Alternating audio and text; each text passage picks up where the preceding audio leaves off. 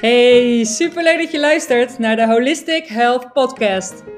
Mijn naam is Dana Hooghiemstra en ik ben holistisch gezondheidscoach, psycholoog en yoga teacher. De vraag die veel gesteld wordt is: hoe combineer ik de westerse en de oosterse genees- en levenswijze in mijn dagelijks leven voor een optimale gezondheid?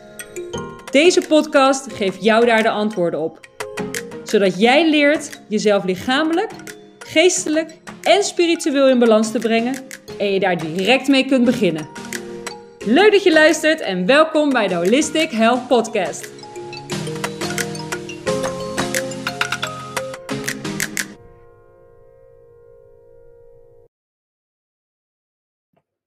Hey, superleuk dat je luistert naar een nieuwe podcast van mij. Voor mij vandaag een extra bijzondere dag. Niet alleen omdat de zon heerlijk schijnt, maar ook omdat ik vanochtend samen met mijn vriend, mijn verloofde, in ondertrouw ben gegaan. Mijn vriend heeft mij 18 november 2019 ten huwelijk gevraagd. Uh, midden in de wijnvelden in Hunter Valley, Australië. En dat was op het moment dat wij op wereldreis waren, al bijna een jaar, wat het extra bijzonder maakte dat hij mij ten huwelijk vroeg. Vanochtend zijn we dus in ondertrouw gegaan. We hebben ons huwelijk aangekondigd bij de gemeente, want we gaan op 3 september 2021 gaan we trouwen. Dus dit maakt het voor mij een extra bijzondere dag en ik heb enorm veel energie daardoor. Ik kijk er ook heel erg naar uit om deze podcast voor jullie op te nemen vandaag. Dat gezegd hebbende, wil ik het vandaag gaan hebben over Ayurveda en de seizoenen. Ik kreeg namelijk de laatste tijd heel veel vragen over hoe ik vanuit Ayurvedisch oogpunt aankijk tegen koud douchen of koud afdouchen. En naar mijn idee is hier geen één antwoord op te geven, want dit hangt namelijk echt af van jouw dosha, jouw mind-body type en van het seizoen. Dus om jou met het antwoord op deze vraag te kunnen dienen, heb ik besloten om hier vandaag een podcast over op te nemen. Dus over Ayurveda en de seizoenen. De dagen, de seizoenen en ook je leven die volgen een natuurlijk ritme. En volgens Ayurveda beïnvloedt dit ritme hoe jij je fysiek, mentaal, emotioneel, maar ook spiritueel voelt. De seizoenen hebben dus invloed op je lichaam en je geest. En om je lekker in je vel te voelen, is het dus van belang om rekening te houden met die seizoenen. In afstemming met jouw mind-body type. Na het luisteren van deze podcast heb jij geleerd hoe je Ayurveda, je voeding en je leefstijl kunt aanpassen op basis van jouw dosha en het seizoen. Ik heb er heel veel zin in, dus let's go! Binnen Ayurveda bestaan er drie verschillende mind-body types, ook wel dosha's genoemd. En deze dosha's die worden binnen Ayurveda gebruikt om te kunnen voorspellen voor welke ziekte en aandoeningen iemand bevattelijk kan zijn. En die individuele verdeling van die drie dosha's die bepaalt de verschillende kenmerken van jouw persoonlijkheid. Van je voorkeur, je gewoontes, maar ook jouw zwakte en je sterke punten. De kracht van Ayurveda ligt namelijk in de erkenning van de uniekheid van elk individu. Dus door te kijken naar jouw unieke mind-body type, is het mogelijk om te kunnen voorspellen wat jouw kwetsbaarheden zijn, waardoor je uit balans kunt raken maar beter nog, het, en nog veel belangrijker, geeft het je richting in wat jou het beste kan ondersteunen. Bij het maken van keuzes in voeding en leefstijl. Ter ondersteuning van jouw gezondheid. Nou, de drie dosha's die Ayurveda onderscheidt zijn Vata, Pitta en Kapha. En deze drie dosha's bestaan uit vijf elementen. Vata bestaat namelijk uit lucht en ruimte. Pitta bestaat uit vuur en water. En Kappa bestaat uit water en aarde. En volgens de Ayurveda zijn alle levende en niet levende voorwerpen in het universum opgebouwd uit deze vijf elementen. Dus ruimte, lucht, vuur, water en aarde. En deze elementen hebben samen 20 tegenovergestelde eigenschappen. Dit noemen we gunas.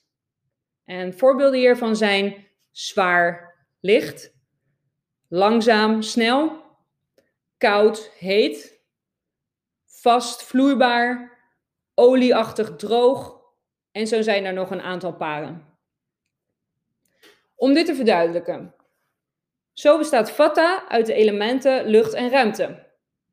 Lucht en ruimte hebben vervolgens weer de eigenschappen licht, snel, koud, droog en onregelmatig. Daarom staat vata ook voor beweging en voor alle processen en basisfuncties in ons menselijk lichaam die te maken hebben met beweging en stroming. Zoals ademhaling, doorbloeding, maar ook de manier waarop onze gedachten gaan in onze geest. Dus zowel lichamelijk, onze body als onze mind. En deze eigenschappen die zie je ook terug in zowel de body als de mind van Vata mensen. Want Vata mensen zijn over het algemeen bewegelijk, ze zijn slank gebouwd, ze hebben het sneller koud, hebben sneller een droge huid of droog haar vanwege die elementen koud en droog. Zo moeten ze minder vaak plassen en transpireren ze ook niet snel. En daarom is het met name voor Vata-mensen belangrijk om warm eten en warm drinken te nemen, met name wanneer het koud is buiten. Als we kijken naar de mind, zijn Vata-mensen vaak creatief en ze denken heel snel. Dus ook bewegelijk, van, uh, in de geest.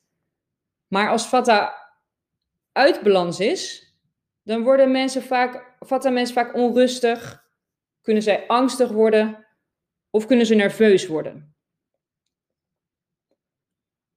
De Pitta dosha bestaat uit de elementen vuur en water.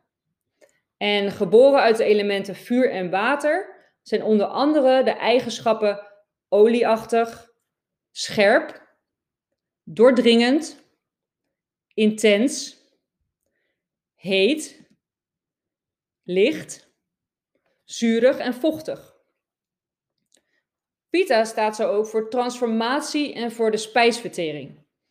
En dit kun je zien als de transformatie van voedsel naar opneembare voedingsstoffen, maar ook transformatie van je gedachten naar je emoties en je gevoelens. Dus zowel weer voor body als voor mind. En het staat ook voor het verteren van voedsel en het verteren van de gedachten door de mind, door de geest. En ook deze eigenschappen zie je zowel terug in de body als de mind van Pita-mensen. Zij hebben namelijk een overvloed aan energie, zijn vurig, zijn vaak geboren leiders, gedreven en ambitieus. Maar als Pita uit balans is, gaan ze makkelijk over grenzen heen en kunnen ze bijvoorbeeld in een burn-out terechtkomen. En de eigenschap olieachtig zorgt, wanneer in balans, voor een zachte huid, maar het kan ook de aanleg creëren voor een vettige huid en voor vettig haar. En bijvoorbeeld vanwege de eigenschap licht kunnen pita-mensen een gevoeligheid voor licht ervaren en dragen pita-mensen daardoor vaker en sneller een zonnebril. Ze hebben ook vaker dorst en moeten vaker plassen. Zo zijn ze ook gevoeliger voor het ontwikkelen van ontstekingen, vanwege dus de aanwezigheid van vuur en de eigenschappen heet en intens. En pita-mensen hebben een sterke spijsvertering vanwege datzelfde vuur. Maar als dit uit balans raakt, leidt dit tot darmproblemen of spijsverteringsproblemen, zoals maagzuur. Ik heb eerder al verteld dat dat een, een grote klacht was van mij jarenlang. Dat kwam omdat ik een te sterke spijsvertering had. Te veel vuur in mij. En vanwege deze eigenschappen hebben ze ook meer behoefte aan koudere dranken en verkoelend voedsel. Met name dus wanneer het buiten warm is. Het klinkt eigenlijk allemaal zo logisch, toch? Het is echt heel recht toe, recht aan.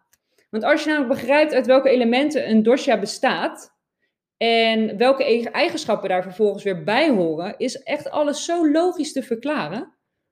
Voorkeuren ergens voor, voorkeuren voor voedsel, voorkeuren voor seizoenen, voorkeuren voor bewegingsvormen zijn zo makkelijk te verklaren op basis van die elementen en die eigenschappen. Maar ook klachten zijn zo heel logisch te verklaren. Want een klacht is namelijk altijd het gevolg van een element of een eigenschap, of meerdere van dat, die buitenproportioneel aanwezig zijn. En toen dat kwartje bij mij viel, werd ik echt nog zoveel enthousiaster over Ayurveda. Want dit maakt het zo makkelijk en zo dagelijks toepasbaar op deze manier. Nou, ik hoop dat jullie mijn enthousiasme um, een beetje begrijpen en dat ik het kan overdragen. Want op deze manier is iedereen dus gebaat bij de kennis en de toepasbaarheid van Ayurveda. Nou, door naar de laatste dosha. De dosha Kappa, de Kappa dosha. Die bestaat uit de elementen aarde en water. En geboren uit de elementen aarde en water zijn onder andere de eigenschappen zwaar en traag, vast, olieachtig en koud. Kappa regelt de structuur van het lichaam en geeft ons stabiliteit. En het zit in al onze cellen, onze weefsels en onze organen. En het zorgt ervoor dat ons lichaam stevig is en voorzien wordt van kracht.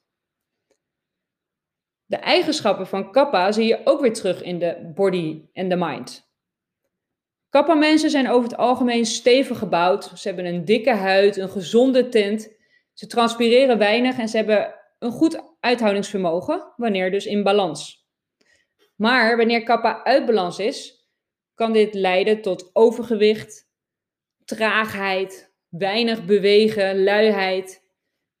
En zo hebben kappa-mensen meer aanleg voor het ontwikkelen van longaandoeningen en aandoeningen van de slijmvliezen, allergieën en obesitas. Wanneer ze in balans zijn, zijn ze meestal gelukkig en tevreden, vergevingsgezind en liefdevol. Maar wanneer ze uit balans zijn, kunnen ze langzaam van begrip zijn, last hebben van jaloezie of gulzigheid ervaren. En vanwege die eigenschap koud hebben kappa mensen ook met name de voorkeur voor warmere dranken en wat warmer voedsel. Nou, deze eigenschappen zie je niet alleen terug in het mind-body type, de dosha, maar eigenlijk in alles om ons heen. Dus in, in voedsel, in vormen van lichaamsbeweging en ook in onze seizoenen. En hierin vind je ook de essentie van Ayurveda terug.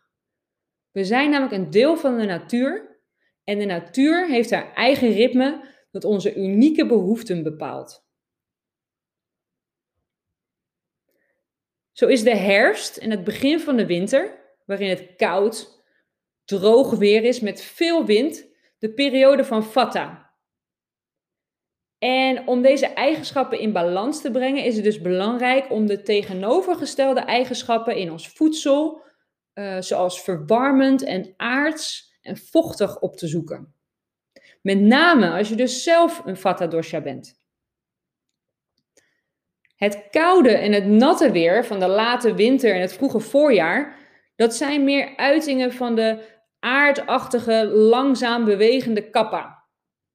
En om dit in balans te brengen is het weer belangrijk om je te focussen op het eten van pittig en warm voedsel om ons in beweging te krijgen. Met name dus als je zelf een kappa dosha bent. En onze heerlijke hete zomers die vertegenwoordigen de kwaliteiten van pita.